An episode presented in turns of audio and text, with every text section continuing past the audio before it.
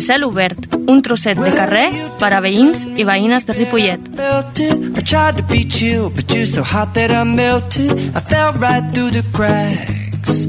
Now I'm trying to get back.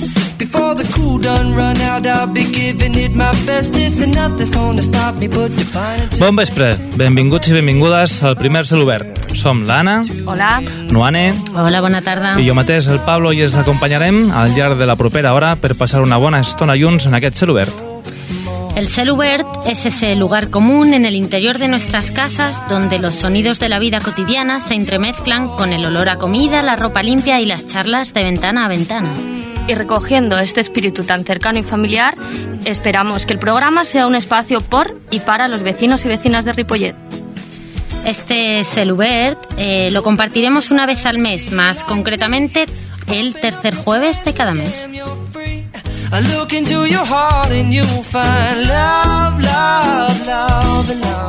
L'hem dividit en tres parts. Començarem mirant el que hi ha penjat al taulell d'anuncis, on trobarem píndoles d'informació sobre esdeveniments, activitats d'actualitat a Ripollet, com ara espectacles, concerts, actes socials, inauguracions...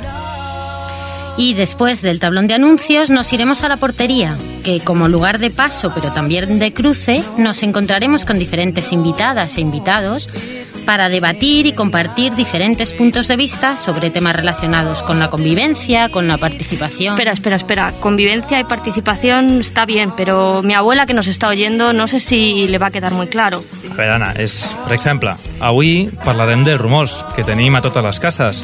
Potser un altre dia parlem de les deutes de les comunitats, uns altres de com s'organitzen els veïns. Ho entens ara?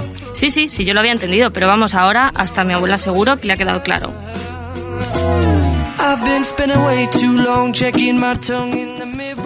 Pues ahora sí nos vamos a la plaza, ¿no? Ei, que ens queda la plaça, és veritat. Efectivamente, la tercera sección se llama La Plaza. Y en esta plaza de Ripollet lo que vamos a encontrar es la voz de la calle. Saldremos a pescar oyentes micro en mano y nos contarán sus opiniones de cómo se vive en este pueblo. Nuestra plaza será un espacio donde se podrán expresar ideas y buenas prácticas desde la calle. Val, però hi havia alguna cosa més que la plaça, oi? Pues sí, todavía nos quedará un lugar en nuestra plaza para invitar a miembros de asociaciones ripolletenses, a grupos de música o a personas que participen en asociaciones o organizaciones para que nos cuenten cómo viven en su comunidad. I avui, com que inaugurem aquest programa, amb tisores platejades, banderes a banda i banda de la porta i fanfàrries, ens acompanya el Rafael Gómez Clarés, regidor de Joventut, i el meu cap, Tossí Grit. Bona tarda, Rafa. Hola, buenas tardes, Pablo, ¿cómo estás? Bueno, uh, escolta, Rafa, una coseta. Lo primer, uh, entenem que a banda de regidor, que hem de dir que també inaugures no, aquesta legislatura, Sí, la verdad es que sí, soy, soy de los novatos. ¿eh? Soy primerizo en esta andadura de, de regidoría. Y bueno, la verdad es que estoy muy contento de estar aquí con vosotros también en, en este vuestro estreno de, de Selubert. Y bueno, pues nada, muy orgulloso de que me, hay- que me hayáis llamado. Y cuéntanos, Rafa, ¿vives en comunidad? Pues sí, vivo en comunidad y por lo tanto mm, sufro los problemas y, bueno, pues todos los conflictos que pueda aparecer en las comunidades como cualquier otro vecino, está claro. Bueno, pues ¿Y disfrutas de las cosas buenas de vivir en comunidad Por también? supuesto también, ¿no? Disfruto de las cosas buenas, no todo es malo, ¿no? Eh, Eso, hay, eso. Que, hay que recuperar esa, eh, esas relaciones de vecinos que teníamos antes, ¿no? En estos momentos de crisis es cuando más tenemos que encontrar apoyo y ayuda en la gente que más eh, cerca está de nosotros. claro. Bueno, pues muchas gracias, Rafael Gómez, regidor de Juventud y Ciudadanía. Y ahora sí, comenzamos con el Celuber.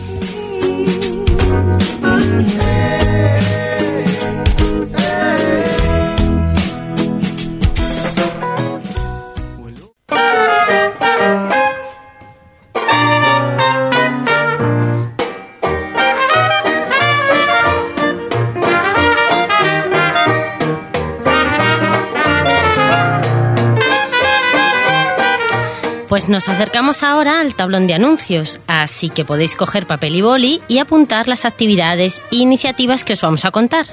Todas ellas vinculadas con la convivencia, la participación y con todo aquello que fortalece nuestra ciudadanía. Así que va, comenzamos hablando de un curso. O un curs? Això és una clase o què és? Sí, sí, bueno, a ver, no exactamente. Se trata de un taller de gestión de las comunidades de vecinos y vecinas. Més detalls, sisplau. Pues a ver, se trata de un taller que se hará en la Asociación de Vecinos de Cantiana el próximo jueves 10 de noviembre. Y vendrá un abogado y explicará cómo funciona, bueno, mejor, cómo habría de funcionar una comunidad de propietarios y propietarias. Mm, casi, casi. Bueno, a ver, Pablo, es decir, cómo se tienen que convocar las reuniones, por ejemplo, cómo se hacen las votaciones, cuántos votos hace falta, por ejemplo, para poner un ascensor, o si se han de pagar o no todas las derramas. Perfecte, em va quedant clar. I què hem de fer per apuntar-nos? Muy fácil, ponerse en contacto con la Asociación de Vecinos Kantiana o con el programa de mediación contigo mismo. Perfecte. Va, más cosillas, más cosillas. Dins del programa de la llei de barris s'organitza un parell de concerts que ens ajudarà a muntar-los la gent de Rock and Ripo. Uh, són el dia 22 d'octubre i el 5 de novembre a les 7 de la tarda al pati del Casal de Llobas. Y ahora pregunto yo, Venga. ¿qué grupos son? Doncs mira, el 22 d'octubre el que es fa és un concurs de grups locals. Uh, començarà a les 7 i el dia 5 de novembre es farà un concert amb la gent que haya guanyat el concurs de grups locals i tocarà també la gent de Tales of Gaia i de Cortes Tuquir. ¿Y dónde era esto? Perdona. Això en el pati del Casal de Llobas, a la Rambla Sant Jordi, número 6.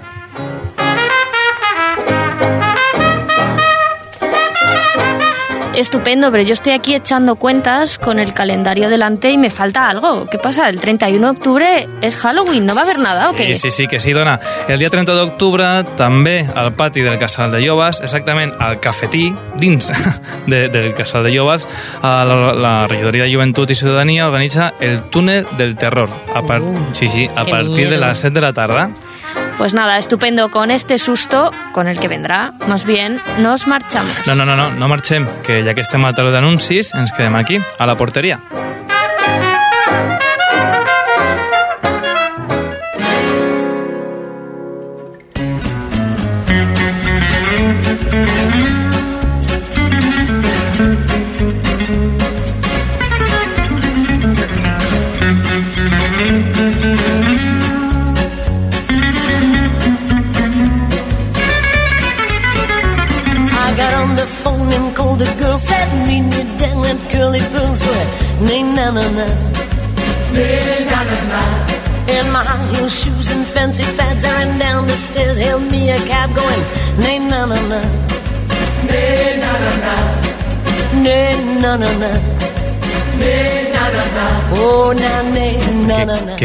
Fuerte, ¿no? Pues eso, si es que yo no me lo podía creer, pero Pues explica, así ha explica, sido. explícalo. sí. ¿Os lo cuento? Sí, sí, por Venga. favor. Bueno, bueno. A ver, la situación es sábado pasado y salimos por ahí a tomar algo, la Laia, el Pedro y yo. Y Laia venía con su prima Raquel. Ajá. Bueno, pues nada. La Raquel- morena esta, ¿no? Sí, sí, esta chica muy maja, tal, no sé qué, pero de repente se empieza a poner pálida, se empieza a encontrar fatal, una mala cara horrible, bueno, total, empieza a vomitar. ¿Que estaba borracha o...? No, no, no, no, estaba todo bien, no sé, ni fuma ni bebe. embarazada o- Pues espera, es que por ahí van los tiros. O sea, fuerte, fuerte. Total, que la Laia se la lleva al baño, tal, ya se encuentra fatal, los sudores fríos de la muerte y decide marcharse a casa. Entonces la Laia la acompaña y hasta ahí llego yo. Pero ahora viene la segunda parte, que es que ayer llego a casa y me dice mi vecina, mira lo que me ha pasado. ¿Te has enterado de lo del embarazo de Raquel y tal? Lo que yo decía, ¿no? Claro, Embarazada. claro, Embarazada. embarazada. bueno, lo sabe todo el barrio, ya lo sabéis. Y, y le digo, pero, dice, no, no, pero que el, el hecho no es que esté embarazada, lo fuerte es lo que te voy a contar ahora. Es que me encuentro a su madre el otro día y le digo, bueno, enhorabuena, que vas a ser abuela, ¿qué tal? Se queda blanca y me dice, no, perdona, mi hija tenía una apendicitis. Madre Qué fuerte. Pues sí,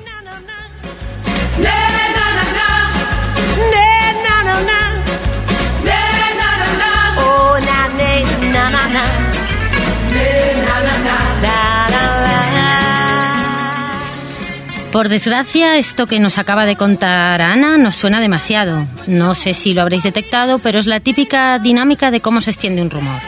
Y justamente para eso hemos venido hoy a nuestra portería, para hablar de los rumores. Així és, el passat mes de juliol, a gairebé el 50% de la plantilla de l'Ajuntament de Ripollet va passar per un curs on es va ensenyar a gestionar, a tractar els rumors. I això suposo que és perquè és un tema important. És important el tema. Té més de, més del que pensem, pot generar situacions realment difícils i que a vegades tampoc sabem com afrontar-los, no? I, a més, mm, hem de tenir en compte que és, com un, és un element consustancial gairebé a les relacions humanes. Pues eh, estamos oyendo hablar a Rafa Crespo. Buena tarde, Rafa. Hola, bona tarda, com anem? Molt bé. Eh, Rafa es miembro del Centro de Estudios Africanos de Barcelona, es historiador, antropólogo y trabaja a pie de calle dinamizando, formando y concienciando a ciudadanas y ciudadanos. Benvingut, Rafa. Sí, i també sentíem el Fabio Gallego. Bona tarda, Fabio. Bona tarda, com esteu? Fabio és semiòleg, assessor i coach de directius i polítics, ha treballat com a mediador i també es dedica a la formació, especialment del tema de rumors i ha escrit un parell de llibres. Benvingut, al Fabio. Molt benvingut. Gràcies. Molt bé, y yo quería preguntaros, mm, Rafa, por ejemplo, para empezar a profundizar un poco en el tema. Ya hemos oído un poco la historia que he contado antes y, y era un rumorazo de los pies a la cabeza. Sí, sí, serio, serio. Y, pero si nos puedes decir así brevemente qué es exactamente un rumor y cómo se forma, ¿no? Hi ha moltes definicions eh, de rumors. Si voleu una qüestió esquemàtica i ràpida, són declaracions, notícies, comentaris que anem estenent com si fossin veritat, com si fossin informacions. És un element també del, del qual es formen els rumors, que és aquesta creença de que estem difonem la veritat. Perquè també el que estem és buscant explicacions a fets, a situacions que, Que no entendemos, que no? no entenem, que no sabem d'on han vingut, i llavors, clar, ostres, doncs mira, això és una explicació, i ens ho creiem. Claro. Eh, el Ferran Ramon Cortés diu que és com un virus. Jo crec que això està bé a l'hora de, de fer una comparació, no? El rumor és com un virus que es va estenent, vale? i que el seu naixement és divers. Jo crec que aquí respon a desinformació, a interessos, evidentment, vale? interessos bons i dolents, eh? jo aquí tampoc voldria jo estigmatitzar oh, el rumor, una cosa dolenta, dolenta, dolenta. Eh, I també jo crec que el que fa, i el seu origen, és perquè ho fem servir, en les, com he dit abans, en les nostres converses habituals. Moltes vegades, quan no sabem de què parlar, tal, la gent, bueno, a partir d'un rumor comença allò, a la cua d'una tenda, a qualsevol lloc, amb una trobada familiar, pam, doncs mira, no sabem de què parlar, mira, saps què m'han dit? I pum, i a partir d'aquí. Hay muchas cosas que, que contamos sin identificarlas como rumores, como rumores que sí que lo son, ¿no? Claro. Clar, perquè el que no estem tampoc massa habituats és que la, la informació que anem transmetent a verificar-la. Ujú. Vale? Ens la, tu me la passes a mi, jo li passo la Nuane, no estic vacunat, i com no la verifiquem, doncs això es Això va... creix. Creix, creix, es, bueno, creix la contaminació. Y Fabio, como hemos comentado un poquito, el pasado mes de julio hiciste una formación en el Ayuntamiento de Ripollet. Eh, no sabemos si es que en el Ayuntamiento hay muchos rumores. El caso es que, bueno, ¿nos puedes contar un poquito en qué consisten las formaciones eh, anti-rumores o, y, sobre todo para qué sirven estas formaciones? Sí, mira, no es el único ayuntamiento. eh, en realidad es un tema con el que llevo casi 7 o 8 años. Eh, inicialmente pensé que no había para tanto el tema del rumor, pero luego poco a poco me di cuenta que era ingenuo de mí. ¿Qué, se hace aquí? A ver, en primer lugar, eh, hay que tener en cuenta que la gente no es consciente de que está emitiendo un rumor.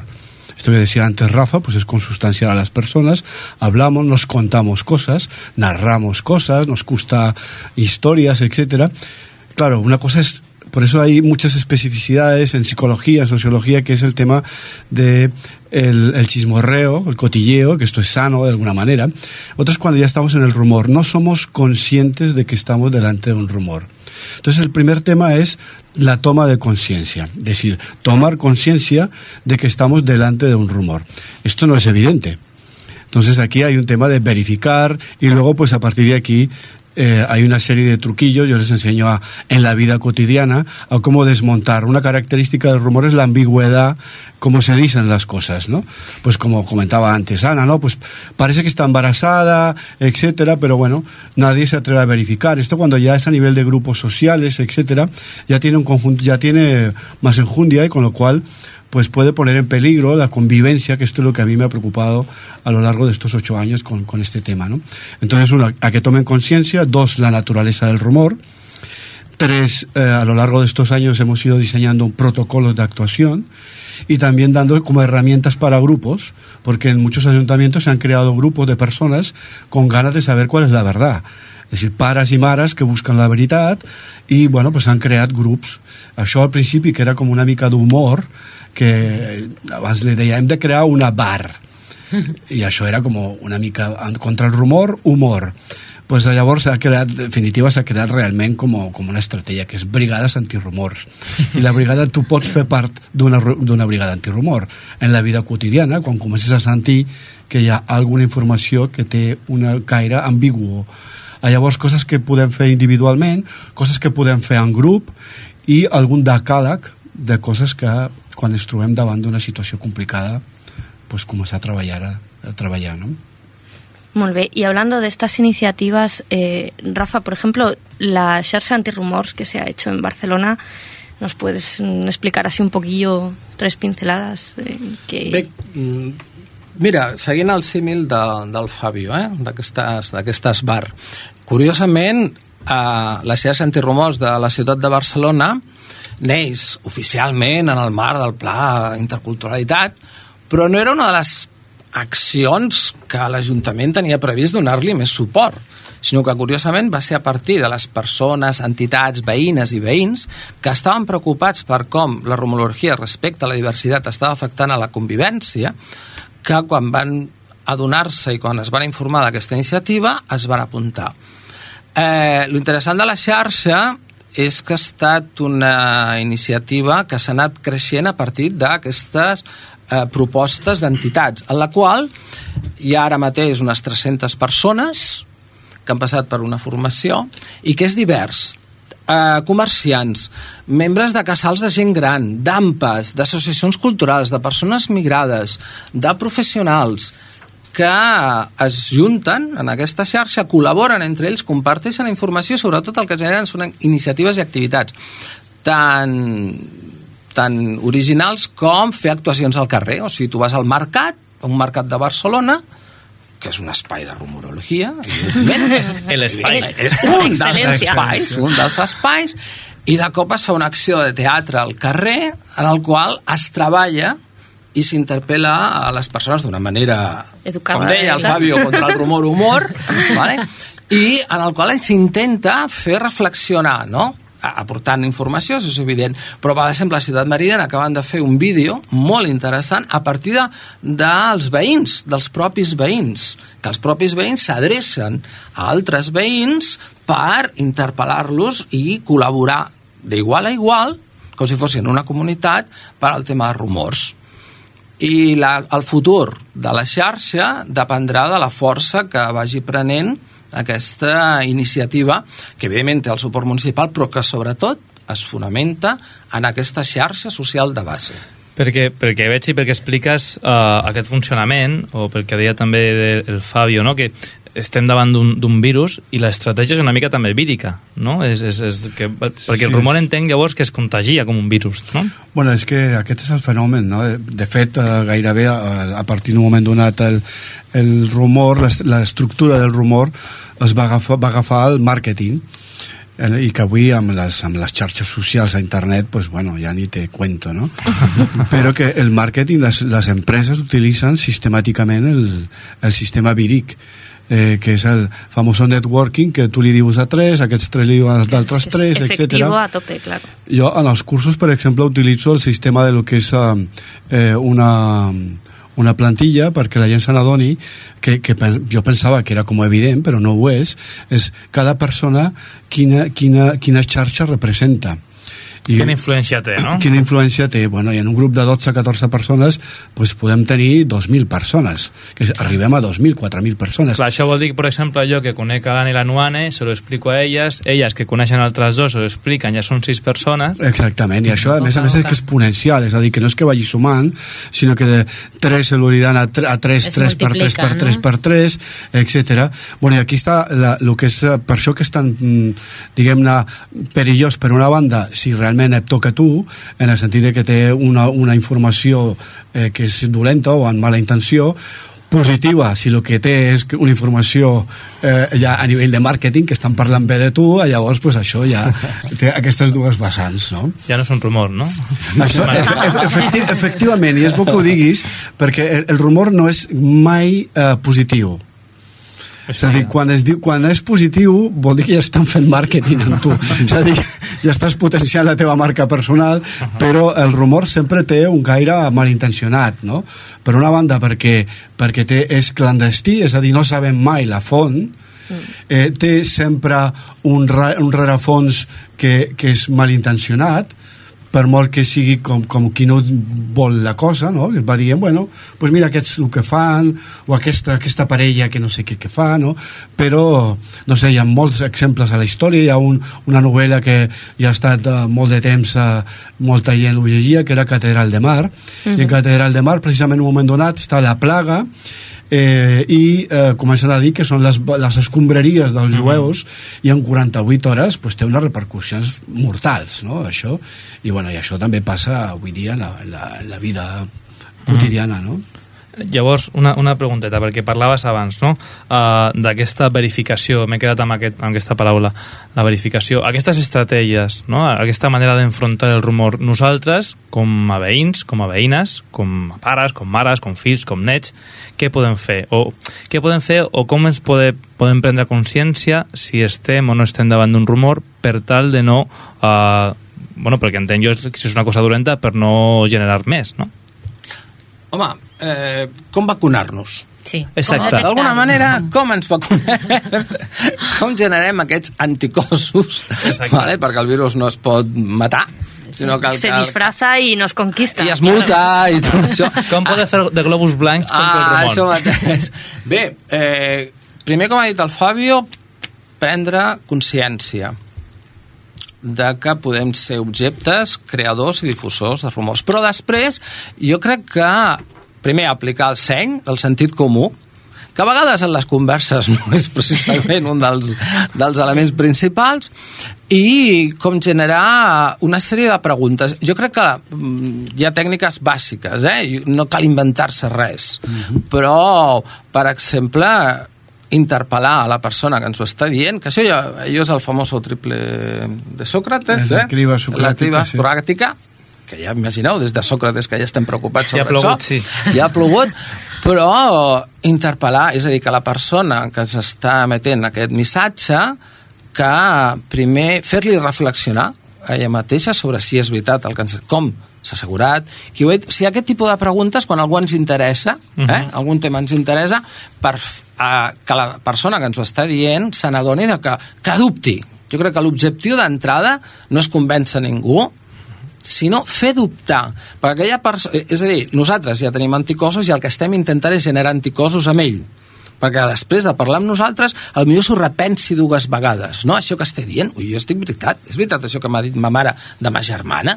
És veritat. Ha això visto, que m'han no dit visto. a, a, a la feina d'aquell company que fa dies que no veig és, és, perquè a més eh, la pregunta, però preguntes en positiu, eh? Jo crec que el tema del diàleg, tothom sap que mm -hmm. si tu m'estàs emetent, em dius una afirmació i jo et responc amb un no, això talla absolutament el diàleg. Exacte. Però en canvi si jo et responc amb un sí, és veritat, ostres, això m'interessa... És a dir, plantejar aquestes petites converses, aprofitar la conversa per intentar enraonar. Jo crec que amb això el terme català d'enraonar, mm -hmm. fer raonar a través de la paraula, Razonar, és, és una bona eina.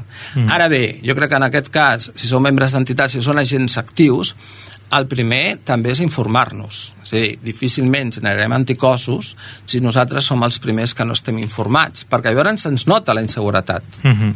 Claro. I en aquest cas, per això són tan importants aquestes xarxes perquè la informació, les dades, la, la, les dades fidedignes, les hem de fer servir i les hem de difondre, perquè moltes vegades les dades no desmenteixen un rumor per si, però sí que forma part de l'argument i els elements que tenim a l'abast. Mhm. Y bueno, una pregunta, ¿habéis sido alguna vez eh, protagonistas de un rumor? Jo sí. ¿Sí? ¿Se puede contar o...? Bueno, Quizá no no. és d'aquí, no és d'aquí, és, és, és un... És, jo, jo vaig estar visquent una temporada a l'Àfrica Negra i vaig arribar a un poblat on era l'únic blanc. Discret. Clar, Clar. llavors era el blanc Doctor de molts rumors. Jo era el blanc, la Diana, de molts rumors. I, corri, i, i, i al cap del temps em vaig adonar que jo era objecte... Clar, no en coneixia la gent, però jo era un blanc. Llavors, tots els prejudicis i estereotips que hi havia sobre els blancs es van projectar sobre mi. Que si era ric, que si havia vingut a aprofitar-me, que una sèrie de coses. Clar, jo he de reconèixer que també vaig ser eh, element actiu en aquest rumor. Perquè jo no em vaig preocupar d'entrada a informar només que dos o tres persones.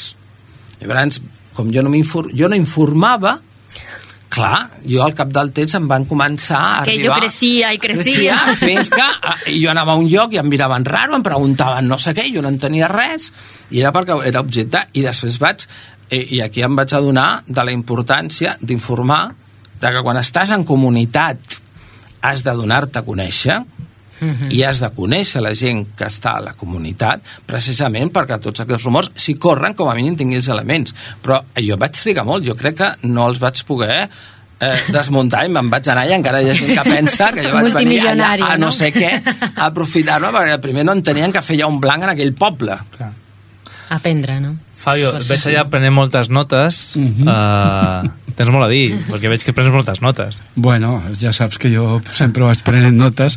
No, una mica eh, afegint a el que deia, deia el, el Rafa, és el, la cacera sistemàtica a l'ambigüitat. És a dir, estem acostumats a dir coses quan algú comença a dir sembla que, etc pues, acostumar-nos a fer aquestes preguntes. Com ho saps? M'agradaria que em diguessis més dades sobre això, no? Entonces, directament, les tres preguntes.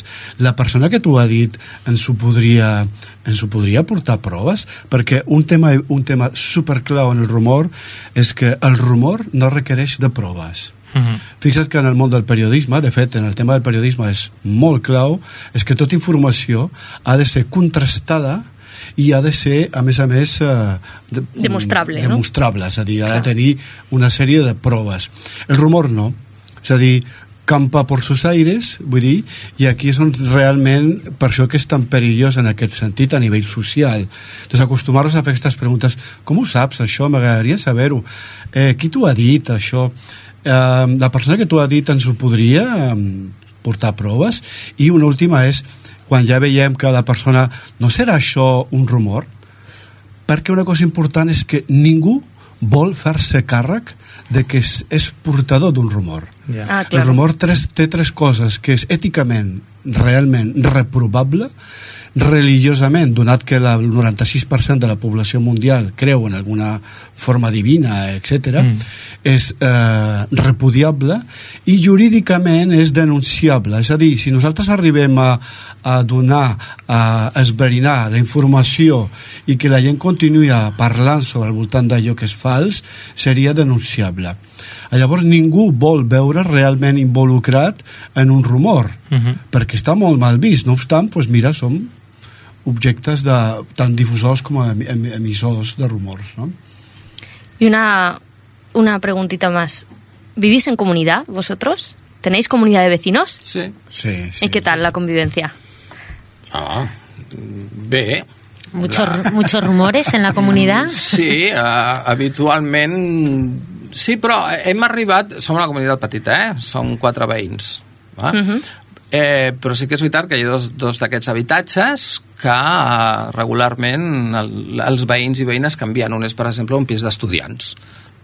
Llavors, el que hem, ens hem acostumat és a treballar qüestions de presentacions acollida Ah, clar. i Quales són les normes? Els deures Sí. també i en aquest cas de quan, clar, són poca gent i quan detectem que comença a haver-hi, clar, perquè, ostres, qui ha arribat, què farà, vigilant, tal, tot allò, eh, el que sí que hem generat és com una mena de protocols si voleu, o rituals vale? en el qual sí que intentem oferir-nos també a que si hi ha qualsevol dubte el, que ens adrecin, perquè moltes vegades hem de convidar que la gent també s'informi, perquè, per exemple, som una, som una societat de la queixa però no de la reclamació. ¿Verdad? Llavors, un dels temes seria convidar la gent a informar-se Perquè A jo crec- preguntar, no? A preguntar, a informar-se, a la font, això que m'estan dient, això que m'han dit, això funciona així, no funciona així, a, a no donar per, bueno, enteses qüestions que després no són veritat.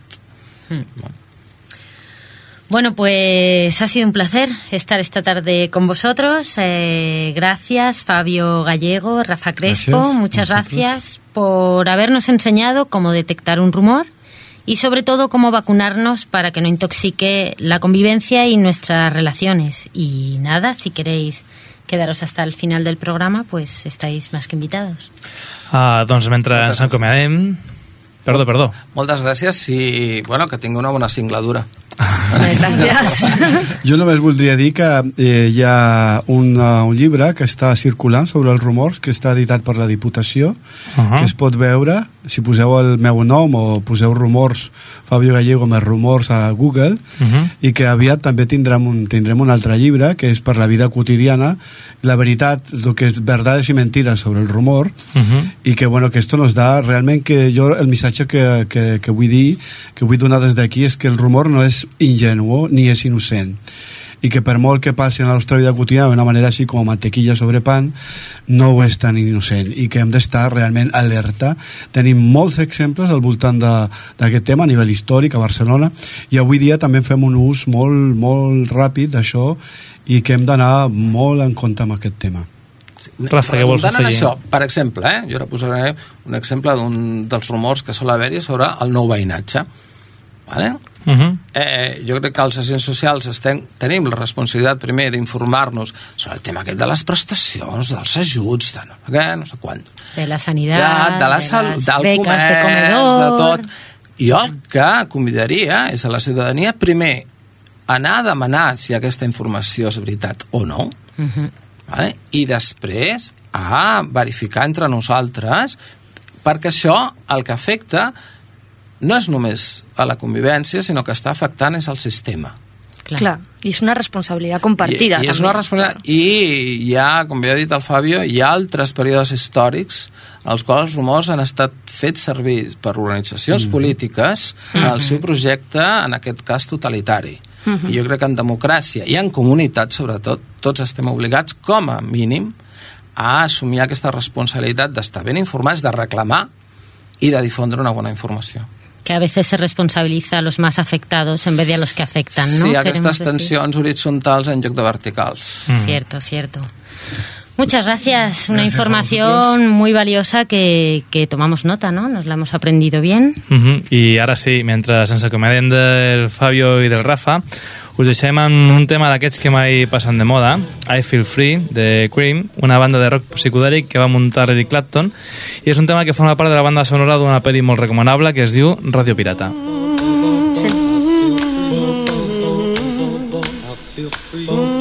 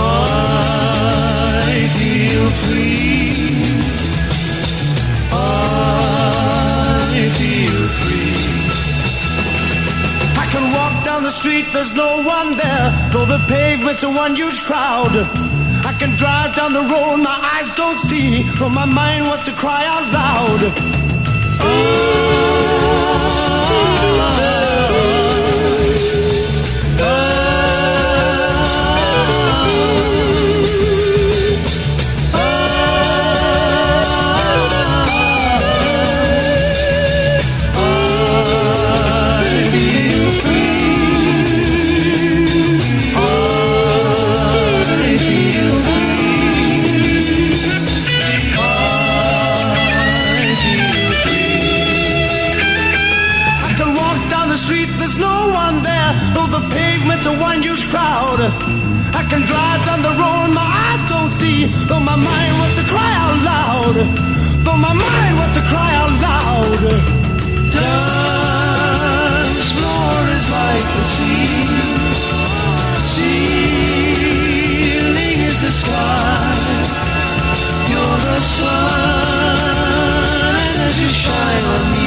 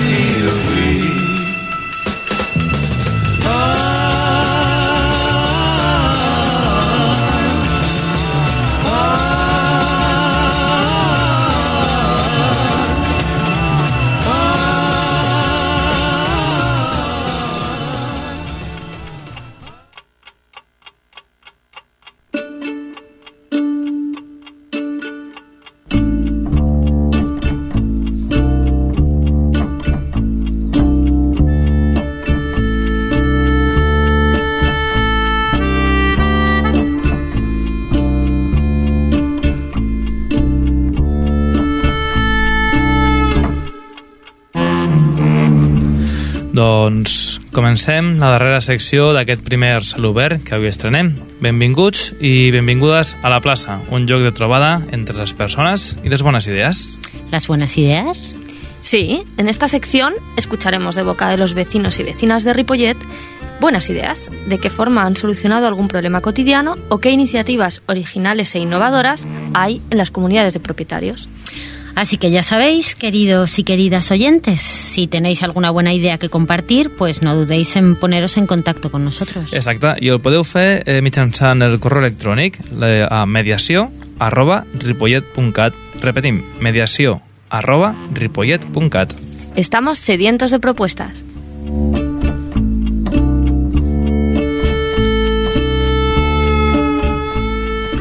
Bueno, que arrancamos, que tengo muchísima curiosidad por saber qué vamos a comentar hoy en esta plaza, ahora que está cayendo el sol. Vale, vale, vamos. Grabadora preparada, vecinos y vecinas, estad atentos, porque allá vamos a lanzarnos de cabeza al mar de la calle en busca de todas aquellas buenas ideas geniales que queráis compartir sobre la vida en comunidad. ¿Y a quién nos vamos a encontrar hoy en nuestra plaza? Tenemos de todo, estudiantes, trabajadoras, jubilados, altos, morenas, rubios. Eso sí, todos diferentes, pero todos nos cuentan cosas positivas de su comunidad. Mm, cuánta variedad, ¿no? En la variedad está el gusto y de gusto Ripollet sabe un rato. Pues allá vamos.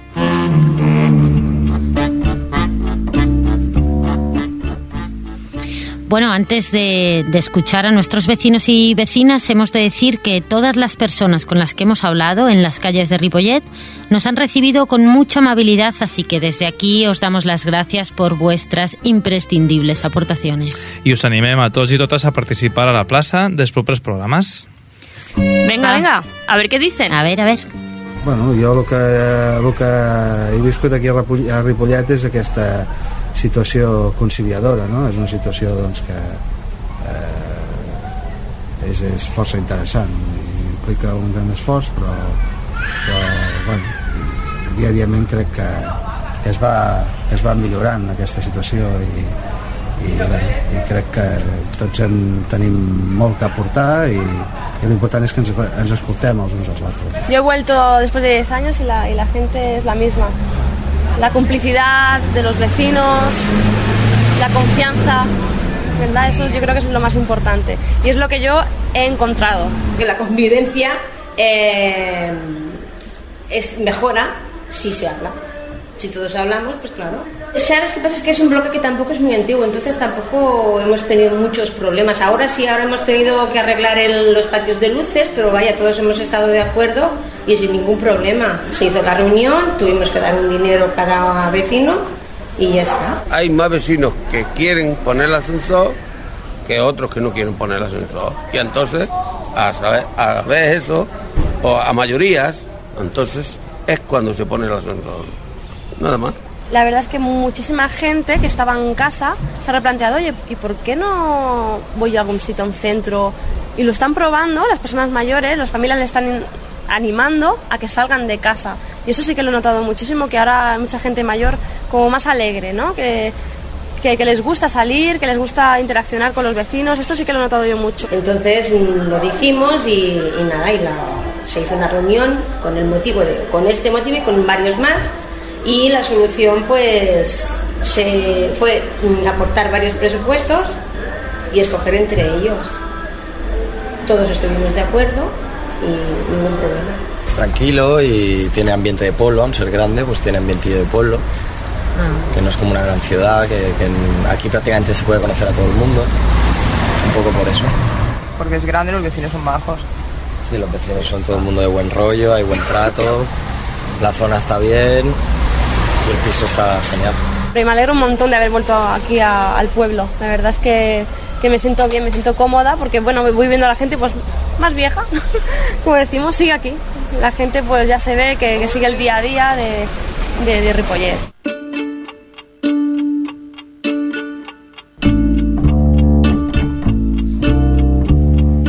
Bueno, ¿qué? ¿Qué os ha parecido la voz de la calle? Genial, la veritat és que la vida en comunitat dona molt de lloc. Sí, además cuando hablamos de convivencia parece que siempre pensamos en conflictos y en problemas, pero Las buenas ideas y las buenas prácticas y los aspectos positivos están ahí, solo hay que buscarlos. Queremos más, así que ya sabéis, radio, radio oyentes, si os han gustado estas historias, podéis mandar las vuestras al mail de mediació arroba ripollet.cat. Exacte.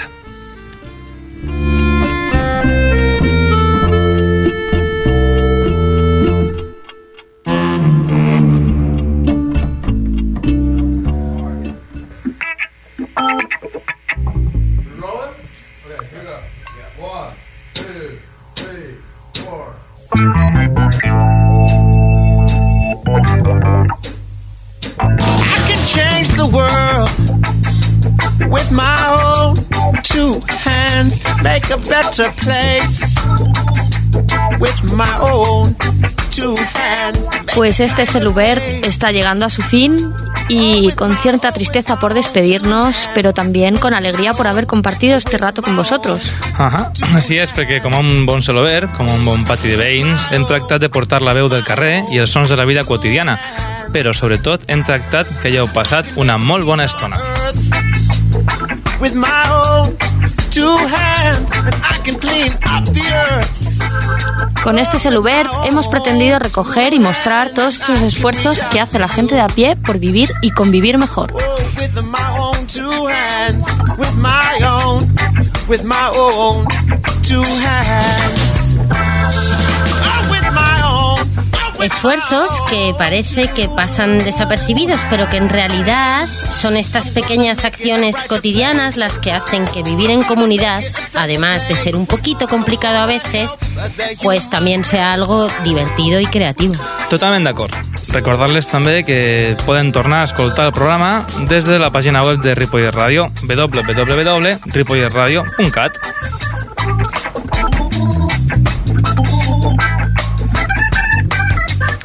Antes de marchar, pues queremos darles las gracias sobre todo al equipo técnico de la radio de Ripollet que nos han permitido estar aquí esta tarde y que nos han echado un cable con estas pequeñas cositas. Con gran paciencia. Gràcies, Jordi. Gracias Jordi, te queremos. Gracias Tony. Y comentaros además que este programa es una iniciativa nacida desde el programa de mediación ciudadana de Ripollet, amb el Pablo Peralta, Gràcies.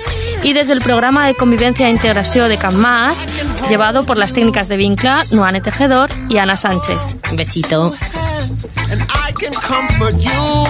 Pues res més. Uh, així que us esperem el proper dijous, dia 17 de novembre, a les 8 de la tarda. Estad, estad. Use your own two hands. Use your own. Use your own. Por último, que no se nos olvide lo más importante. Muchas gracias a las vecinas y a los vecinos de Ripollet. Nos vemos la semana que viene. No, No. el mes que viene, perdón. Dentro de 3-4 setmanes breve. Vinga. Adeu. Adeu, gracias.